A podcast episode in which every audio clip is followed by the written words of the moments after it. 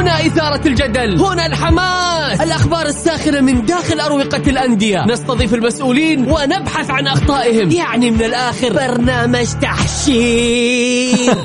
دقيقة دقيقة. تحشير إيه يا حبيبي؟ ما يحتاج كل هذا الأكشن. الوضع مختلف تماما. بناخذكم في جولة خفيفة. نناقش فيها مواضيع الرياضة ببساطة. أخبار رياضية حصريات معلومات فنية وتكتيكية. ولقاءات مع لاعبين ونقاد ومسؤولين. معانا في الجولة.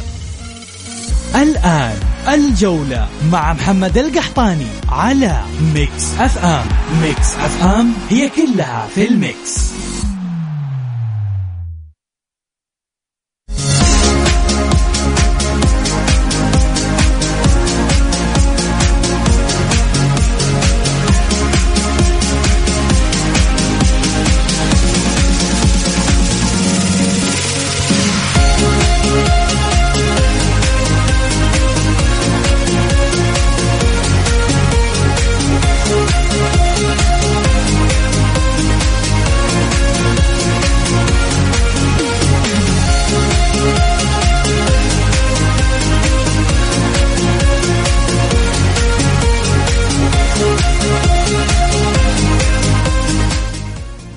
يا هلا وسهلا مساكم الله بالخير وحياكم معنا في برنامج الجولة على Mix FM.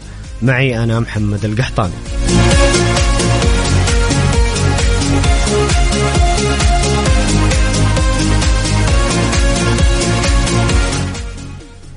أسدل الستار يوم أمس عن نهائي السوبر أو بطولة السوبر الأسباني بالرياض بفوز برشلونة على ريال مدريد بثلاثة أهداف مقابل هدف بطولة جميلة كانت في الأراضي السعودية في درة الملاعب استاد الملك فهد. ألف ألف مبروك لجمهور برشلونة وعشاق ومحبين برشلونة. هذه البطولة الغالية وأيضا هارد لك لعشاق ومحبين ريال مدريد. بصراحة البطولة كانت جميلة بكل تفاصيلها. نتكلم عن الأداء الفني نتكلم عن التنظيم وتواجد الجماهير. آه، كان في إشادة كبيرة وإنصاف من أغلب ال ال الأندية اللي حضرت إلى إلى إلى الرياض آه، من مسؤولين من أجهزة فنية من لاعبين آه، آخرهم بوسكيتس وأيضا كريم بنزيما اللي تكلموا إنه آه، المملكة العربية السعودية بلد جميل استمتعنا بالبطولة كان التنظيم على أعلى مستوى. آه، المباراة كانت بصراحة يعني كان فيها تفوق كبير لبرشلونة على ريال مدريد هيمن بالكامل برشلونة على مجريات المباراة كان الأفضل خلال اللقاء آه، هيمنة كاملة بعكس ريال مدريد اللي بصراحة ما كان عنده هوية ولا شكل واضح آه، في المباراة يعني أثار استياء جماهيره بمستواه ولكن برشلونة بصراحة كان لديه فعلا هوية واضحة شكل استطاع السيطرة على المباراة وتسجيل آه، ثلاثة أهداف. أيضا في البطولة هذه بصراحة تألق بشكل كبير آه، لاعبي برشلونة الشباب أو مستقبل برشلونة اللي بدون مبالغة الآن ممكن نقدر آه، نشبههم بالرائعين الأساطير المعتزلين اللي أحدهم مدرب الفريق الحالي تشافي وأنيستا. بدري وجافي يقدمون مستويات كبيرة جدا. بصراحة أعادوا لنا برشلونة في بداية العقد الماضي والمتعة الكبيرة الكروية اللي يقدمها برشلونة. أنتم مستمعين الكرام رأيكم في بطولة السوبر الأسباني إيش أبرز اللاعبين؟ من هو أفضل لاعب في السوبر الأسباني بالرياض؟ من وجهة نظركم مين اللاعب كذا بحسب رأيك الفني؟ أنت اللي الآن تسمعني. قل لي مين اللاعب كذا اللي أعجبك في البطولة ويعني أثار انتباهك. شاركونا بأرائكم وتعليقاتكم على الواتساب الخاص ب Mix FM على الرقم 054 ثمانية ثمانية واحد واحد سبعة صفر صفر.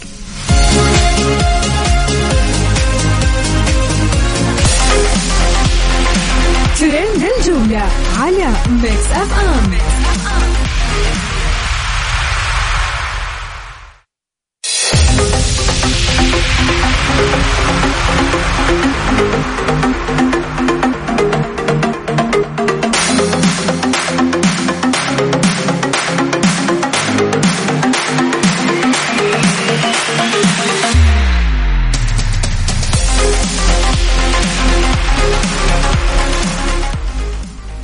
يا هلا وسهلا مستمرين معكم في برنامج الجولة على Mix FM. معي أنا محمد القحطاني. طبعا مباراة ريال مدريد وبرشلونة نهائي السوبر.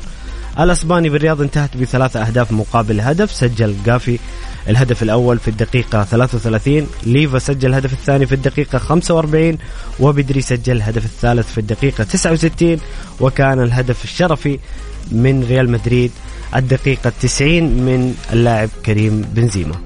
آه هنا أخونا عبد الله اللي دائما يتحفنا بآراء الجميلة في البرنامج يقول بصراحة من أسوأ المباريات اللي شفتها للريال لا مستوى ولا روح ولا تكتيك اللاعبين يتمشون في الملعب وثلاثة أهداف منها هدفين بنفس الطريقة فريق كان ضايع في الملعب مع تألق لاعبي برشلونة. أشوف أنه خلاص انتهى وقت إنشيلوتي في الريال وتخل أفضل بديل له. مع تحياتي لكم عبد الله. تحياتنا لك عبد الله. hard luck هذه الخسارة. المؤلمة ريال مدريد بصراحة ريال مدريد اللي كان العام الماضي بطل أوروبا وكان الناس تتحدث إنه ريال مدريد مستقبله مشرق مع لاعبين شباب. آه، في هذا الموسم الريال ابدا ما هو ريال مدريد بطل أوروبا. ريال مدريد متذبذب المستوى مر بعدة مباريات فيها أداء منخفض جدا. آه الغيابات تؤثر بشكل كبير على ريال مدريد. آه بصراحة ريال مدريد أعتقد إنه يحتاج إلى في المقام الأول إلى أظهرة.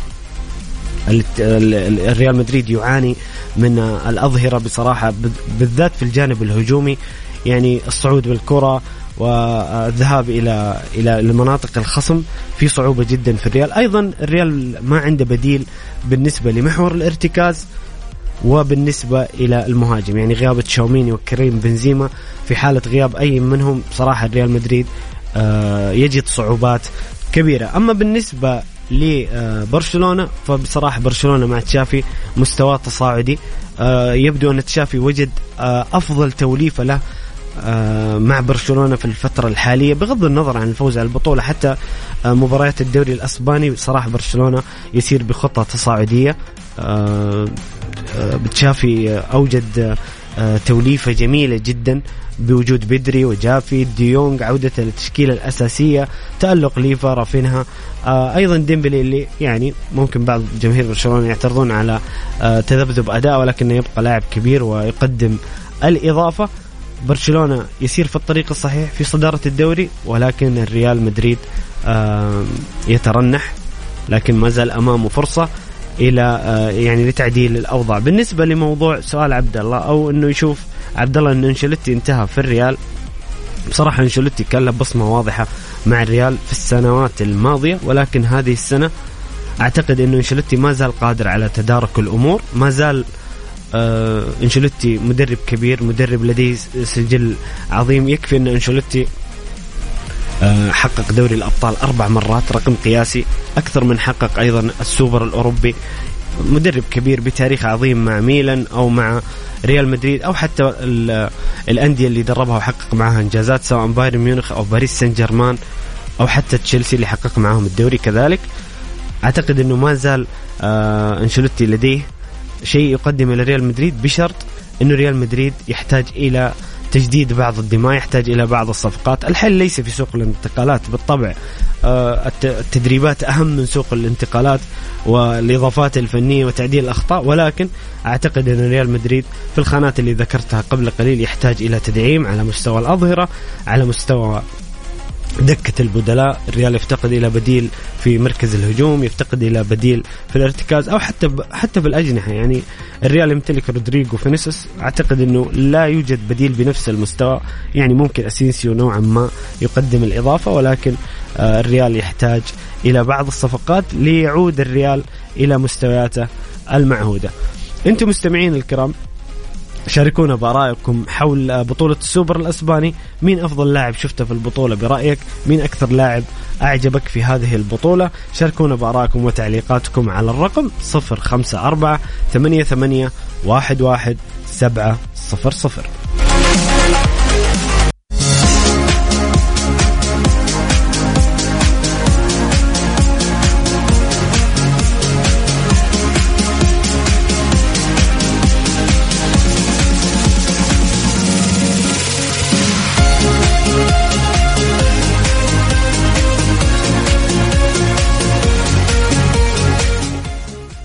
يا هلا وسهلا مستمرين معكم في برنامج الجولة على Mix FM. معي أنا محمد القحطاني. ونستعرض الآن آه، جدول ترتيب دوري روشن السعودي وأبرز الإحصائيات والأرقام الخاصة بعد نهاية الجولة الثالثة عشر من الدوري. طبعا أمس لعب الهلال أمام العدالة وانتصر بهدفين مقابل لا شيء. سجل سالم الدوسري الهدف الأول من ركلة جزاء وسجل أيضا صالح الشهري. الهلال يعود للانتصارات ونغمة الانتصارات بفوز مهم جدا. طبعا آه، الهلال والعدالة كانت المباراة رقم 14 آه، للهلال. لذلك جدول الترتيب بعد هذه المباراة وبعد نهاية الجولة الثالثة عشر النصر في الصدارة ب 30 نقطة الهلال أصبح في المركز الثاني ب 29 نقطة بمباراة زائدة الاتحاد ب 13 مباراة في المركز الثالث ب 28 نقطة الشباب في المركز الرابع 27 نقطة التعاون في المركز الخامس ب 26 نقطة أبها في المركز السادس 19 نقطة الفتح سابعا 18 نقطة ضمك ثامنا ب 18 نقطة الطائي تاسعا ب 18 نقطة والاتفاق في المركز العاشر ب 16 نقطة الرائد في المركز الحادي عشر ب 16 نقطة والفيحاء في المركز ال 12 ب 15 نقطة الوحدة في المركز ال 13 ب 12 نقطة الخليج في المركز ال 14 ب 10 نقاط العدالة في المركز ال 15 ب 8 نقاط والباطن في المركز ال 16 بنقطتين في المركز الأخير. طبعا والله أنا كل ما أقرأ الجدول ترتيب في البرنامج وأشوف الباطن بصراحة يعني أتألم. يعني هذا النادي مر بظروف قاهرة بصراحة تسجيل لاعبين الأجانب. أتمنى أنه في فترة الانتقالات الشتوية يتجاوز هذه المعضلة الكبيرة جدا لإعاقة الفريق. يعني الفريق الآن من 13 مباراة حقق نقطتين فقط بدون أي فوز تعادلين فقط في 13 مباراة. أه نتمنى الباطن في قادم الأيام إنه ينتعش بصفقات ويستطيع التسجيل ويحاول أن يعدل أموره خصوصا في الدور الثاني. هدافين دوري روشن السعودي بعد نهاية الجولة الثالثة عشر تاليسكا في الصدارة ب 11 هدف إيجالو في المركز الثاني بثمانية أهداف عبد الرزاق حمد الله في المركز الثالث بثمانية أهداف وكارلوس جونيور من الشباب بسبعة أهداف في المركز الرابع ونكايمي من الفيحاء في المركز الخامس بستة أهداف.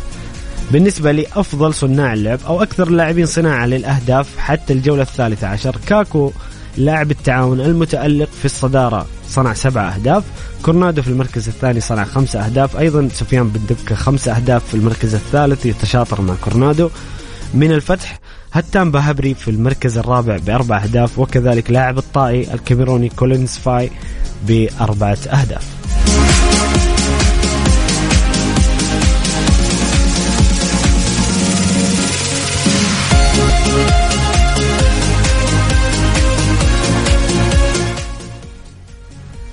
الأعلى استحواذا في الجولة الثالثة عشر. الاتحاد في المركز الأول استحوذ على الكرة بنسبة 77% الهلال ثانيا ب 76% فاصلة أربعة الوحدة ثالثا ب 68.5 الفتح رابعا 57.3 والتعاون في المركز الخامس ب 55%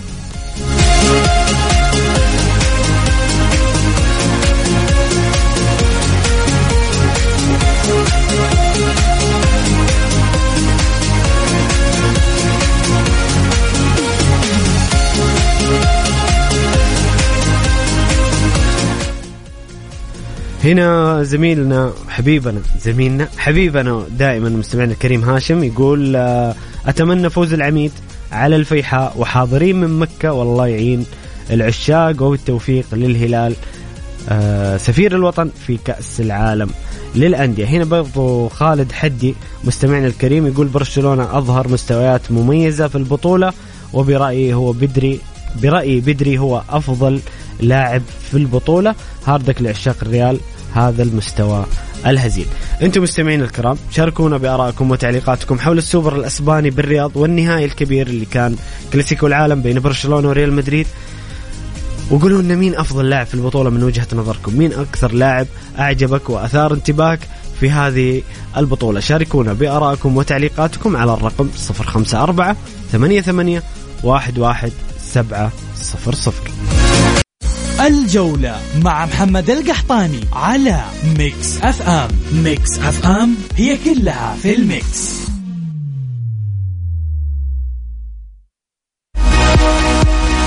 نشرة الجولة على Mix FM, Mix FM.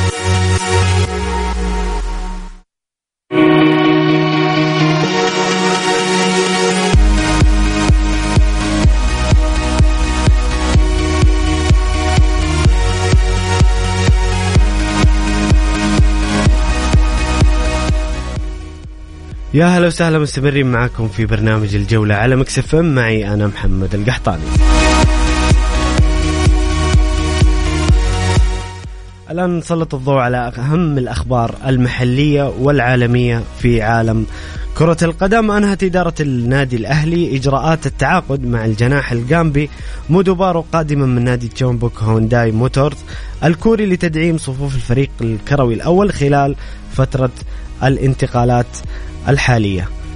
آه، صفقة ممتازة للأهلي لتدارك آه، الأوضاع والتذبذب اللي بدأ فيه الموسم الأهلي. خطوة كبيرة جدا من إدارة نادي الأهلي.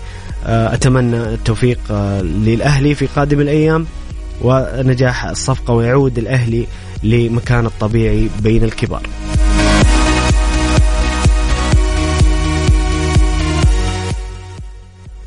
مصادر إنجليزية وقطرية تؤكد بأن ليفربول في طور آه، آه، شركة قطرية في طور الاستحواذ على آه، أسهم في نادي ليفربول. طبعا الأخبار كانت موجودة من قبل كأس العالم عن وجود شركة قطرية في في خضم الاستعداد لتقديم عرض للاستحواذ على نسبة بما يقارب 49% من نادي ليفربول. طبعا لا يحق آه، يعني لدولة ما أتكلم بشكل عام أو شركة أنها تمتلك أكثر من نادي في يلعب في دوري أبطال أوروبا.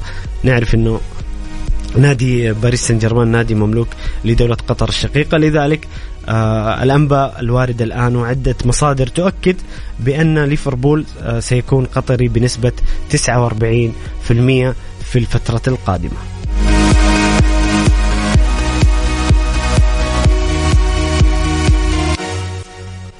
بصراحة خبر آه، أعتقد أنه جميل. آه، ويعني ينتظر عشاق ليفربول بفارغ الصبر. وكذلك أيضا يعني امتلاك نادي كليفربول بالنسبة لقطر أو لشركة الشركة القطرية. آه، شيء كبير جدا. نادي يملك تاريخ عظيم. إرث كروي كبير. أحد أهم الأندية في العالم وأكبرها على الإطلاق.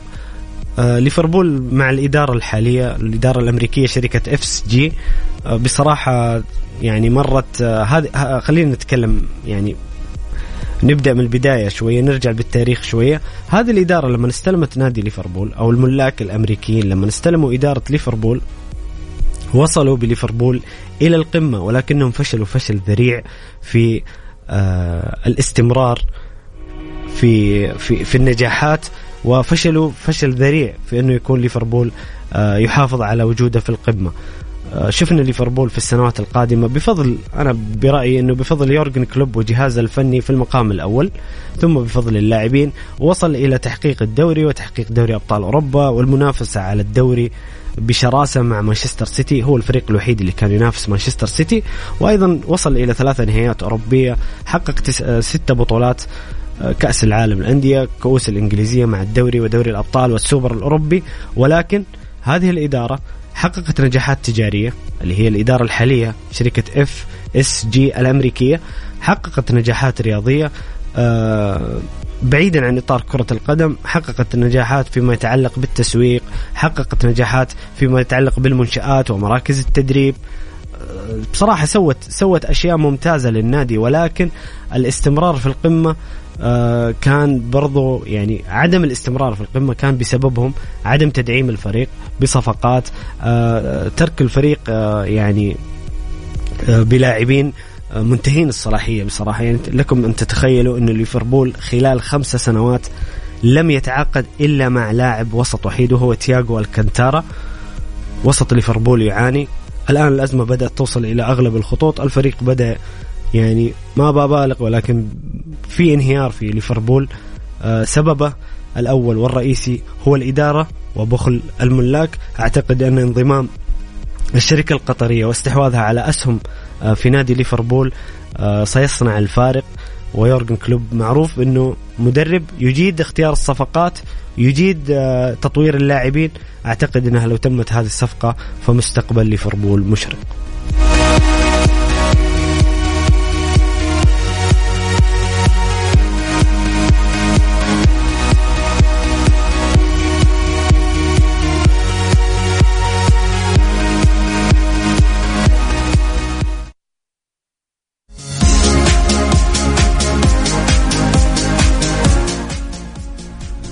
الآن نسلط الضوء على مباريات الدوري الإنجليزي. وأهم المباريات بصراحة الدوري الإنجليزي هذا الأسبوع كان فيه مباراتين قمم كبيرة جدا.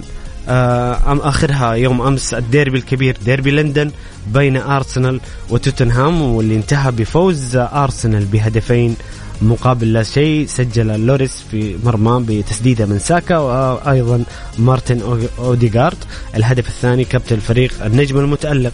أرسنال يواصل هيمنته على الدوري الإنجليزي يواصل تالقه الرائع بقيادة أرتيتا. أرسنال الممتع أرسنال الجميل أرسنال آه، التسعينات وبداية الألفية. يعني بصراحة لامس ذكريات آه، تلك الأيام الخوالي اللي كان فيها أرسنال. على قمه الهرم الرياضي في الدوري الإنجليزي أو حتى على مستوى العالم. آه، بصراحة أي أحد متابع للدوري الإنجليزي من ذيك من تلك الفترة عفوا يعني يعرف أن أرسنال آه، فريق مكانه بين الكبار وهذا مكانه الطبيعي إنه ينافس على الدوري. أنا بصراحة بحكم إني متابع للدوري الإنجليزي مستمتع جدا بأرسنال. يعني أرسنال يقدم مستويات مبهرة. بتشكيلة أقل من بعض الفرق. يعني خلينا نتكلم بصراحة تشكيلة أرسنال كتشكيلة كسكواد كامل أقل من ليفربول أقل من مانشستر سيتي آه أيضا حتى أقل من مانشستر يونايتد. لكن أرسنال ما زال في القمة وبفارق ثمانية نقاط عن أقرب منافسيه أيضا في ديربي مانشستر المباراه اللي كانت يوم الجمعة الماضي مباراة كانت كبيرة جدا. مانشستر يونايتد أيضا يواصل مستوياته الرائعة وانتفاضته بقيادة تينهاج هذا المدرب اللي غير الشكل آه، أوجد هوية لمانشستر يونايتد كانت مفقودة في السنوات الماضية استطاع الفوز على مانشستر سيتي في الأولد ترافورد بهدفين مقابل هدف سجل برونو فرنانديز الهدف الأول في الدقيقة 78 وراشفورد في الدقيقة 82 بعد هدف مانشستر سيتي الأول اللي جاء عن جا آه، من جاك جريليتش في الدقيقة 60 مانشستر يونايتد استطاع قلب المباراة. آه، مانشستر يونايتد بصراحة مع تينهاج اعاد هيبة كانت مفقودة من فترة. يعني كان مانشستر يونايتد يعاني في المباريات الكبيرة ولكن هذا الموسم مانشستر يونايتد في الأولد ترافورد فريق لا يقهر. مانشستر يونايتد هذه السنة استطاع هزيمة ليفربول استطاع هزيمة أرسنال استطاع هزيمة مانشستر سيتي. مانشستر يونايتد يسير بخطى ثابتة وواثقة للعودة إلى الطريق الصحيح. وكما عودنا مانشستر يونايتد أنه نادي كبير ومنافس دائما على البطولات الإنجليزية.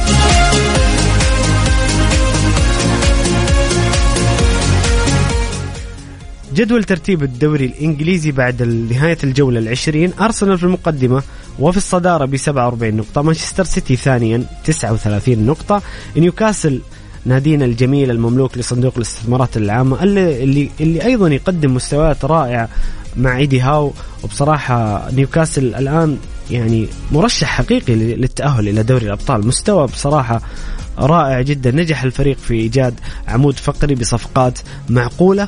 ومدروسة واستطاع الوصول إلى المركز الثالث ب 38 نقطة. مانشستر يونايتد في المركز الرابع ب 38 نقطة. توتنهام في المركز الخامس ب 33 نقطة. فولهام سادسا ب 31 نقطة. برايتون سابعا ب 30 نقطة. برينتفورد ثامنا ب 29 نقطة. ليفربول تاسعا ب 28 نقطة. وتشيلسي في المركز العاشر ب 28 نقطة. ليفربول وتشيلسي آه يتفقون على السوء يتفقون على النتائج والمستويات الغير آه، مقبولة أبدا من جماهيرهم ومحبيهم. في صدارة الهدافين هالاند 21 هدف هاري كين ثانيا 15 هدف إيفان توني لاعب برنتفورد في المركز الثالث ب 13 هدف متروفيتش رابعا 11 هدف ورودريجو خامسا ب 10 أهداف. بالنسبة لصناع الأهداف وأفضل خمسة آه، أو أفضل من صنع الأهداف في الدوري آه، الإنجليزي ال Premier League. كيفن دي بروين تسع أهداف في المركز الأول. ساكا ثانيا آه، سبع أهداف. ثالثا إريكسن صنع ست أهداف. أندرو روبرتسون ظهير ليفربول رابعا بخمسة أهداف. وإيفان برسيتش لاعب توتنهام أيضا بخمسة أهداف.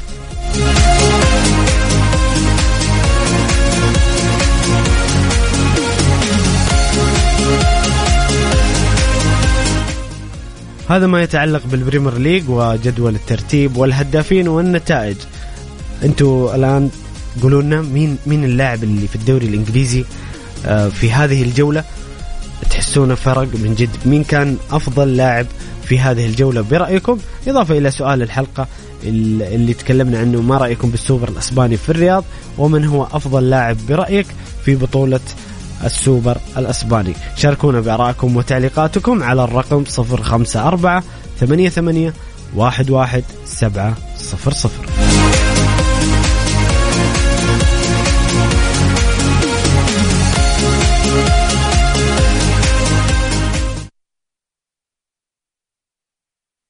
الجولة مع محمد القحطاني على Mix FM. Mix FM هي كلها في ال mix.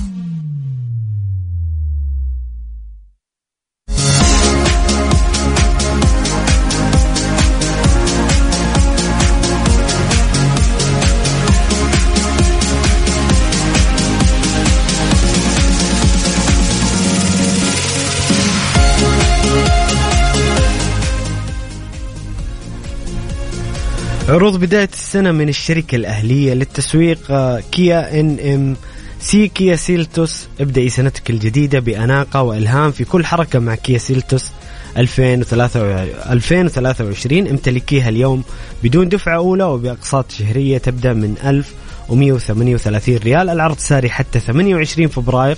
تطبق الشروط والأحكام. لمزيد من المعلومات زوروا صفحاتنا على موقع مواقع التواصل الاجتماعي إن إم سي كيا كيا الأهلية نبتكر نخدم نلهم.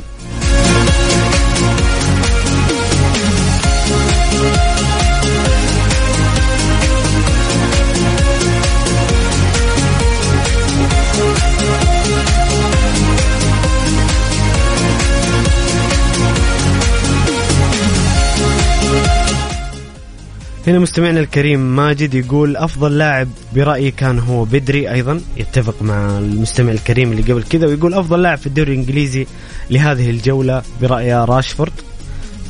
بصراحة أتفق معك راشفورد الفترة الأخيرة بغض النظر عن مباراة مانشستر سيتي وديربي مانشستر راشفورد آه، يقدم الفترة الأخيرة مستويات كبيرة جدا بدأها من كأس العالم صراحة راشفورد رجع استكشف نفسه في كأس العالم وبعد كأس العالم راشفورد بصراحة يقدم مستويات جميلة مع مانشستر يونايتد وتأثير واضح. الآن نسلط الضوء على الكالتشيو الدوري الإيطالي وأبرز المباريات وأيضا جداول الترتيب. نابولي في يوم الجمعة حقق مفاجأة مدوية كبيرة جدا. أي متابع للكالتشيو يعرف انه هزيمة اليوفي بخماسية هذا الشيء يمكن أنا بالنسبة لي وأعتقد أغلب جيلي وحتى اللي أكبر مني ما شافوا يوفنتوس يخسر بخمسة. وفعلا هذه النتيجة اتضح إن يوفنتوس آخر مرة خسر بخماسية قبل 20 سنة قبل عقدين أمام بسكارا في موسم أعتقد 93 94 نابولي يواصل مستوياته آه، الرائعه مع سباليتي. نابولي الممتع نابولي القوي ذهنيا وبدنيا. آه الصلب أيضا ذهنيا. بصراحة نابولي يقدم نسخة رائعة جدا. هذا الموسم يتصدر الدوري وأعتقد أنه قريب جدا من تحقيق الدوري. يعني أنا بصراحة بعد ما شفت نابولي هزم اليوفي بخماسية يعني أعتقد أن الأمور بنسبة 90% حسمت لصالح نابولي. أي نعم الفارق ليس كبير يعني. مش مستحيل إنه ميلان أو حتى يوفي أو إنتر ميلان أو لاتسيو روما أتلانتا أي فريق يلاحق نابولي. ولكن بهذا المستوى نابولي صعب صعب جدا إيقافه. طبعا أيضا روما في مباراة الأمس تفوق على فرونتينا بهدفين مقابل لا شيء سجلها النجم المتألق. أيضا ديبالا يشاطر راشفورد بعد كأس العالم ديبالا بصراحة وعودته آه، لجاهزية البدنية. يصنع الفارق سجل هدفين جميلين جدا مع روما أمام فرونتينا خلونا نستعرض الدوري آه، جدول الدوري الإيطالي. بشكل سريع. نابولي في الصدارة ب 47 نقطة ميلان في المركز الثاني 38 نقطة يوفنتوس ثالثا 37 نقطة وإنتر ميلان في المركز الرابع 37 نقطة لاتسيو خامسا ب 34 نقطة أتلانتا سادسا 34 نقطة روما في المركز آه، التاسع ب 34 نقطة اودونيزي في المركز العاشر ب 25 نقطة. بصراحة نتكلم من الثاني إلى التاسع تقارب نقطي كبير جدا. وهذا يعني بيعطينا متعة إضافية في مشاهدة الدوري. يعني الوحيد الفريق اللي فارق عن البقية هو نابولي. بصراحة اللي قدم زي ما قلنا مستويات إعجازية وليست ما بنقول جميلة ولا رائعة لا مستويات إعجازية. اللي قدمه نابولي يعني شيء شيء آه، أقرب للخيال. خصوصا إنه إنه ما تتكلم عن في لاعب في الفريق يعني من اللعيبه السوبر ستار أو من أفضل لعيبة العالم. يعني في لعيبة ما عرفناهم في نابولي إلا هذا السنة أو ما تألقوا وانشهروا إلا في هذه السنة. على رأسهم طبعا كفرة سخيليا اللاعب الجورجي اللي صار يسموه جمهور نابولي كفرادونا فعلا هذا اللاعب يعني ممتع ولا تمل مشاهدته سريع مهاري يجيد اللعب بالقدمين عنده رؤية ودقة في التمرير والتسديد بصراحة استثنائية. في قائمة هدافين الدوري الإيطالي فيكتور أوسمن من نابولي 12 هدف في المركز الأول لوكمان من أتلانتا في المركز الثاني تسعة أهداف انزولا من سبيزيا تسعة أهداف في المركز الثالث ومارتينيز في المركز الرابع بتسعة أهداف لياو من ميلان في المركز الخامس بثمانية أهداف وأيضا لاعب أر... آه، بولوني أر... أر... ماركو أر... أرنوفيتش. بثمانية أهداف. هذا فيما يتعلق بالكالتشيو والدوري الإيطالي والمباريات الممتعة اللي شاهدناها هذا الأسبوع. كذا حنا أعزائي الكرام مستمعين الكرام وصلنا لنهاية حلقتنا اليوم. أتمنى تكون المعلومات خفيفة ولطيفة وصلتكم بشكل جميل. شكرا لكم على استماعكم. يتجدد موعدنا دائما من الأحد الخميس من الساعة السادسة ومن حد من الساعة السادسة وحتى الساعة السابعة مساء. خليكم دائما على السمع. شكرا لكم. كان معكم محمد القحطاني. في أمان الله.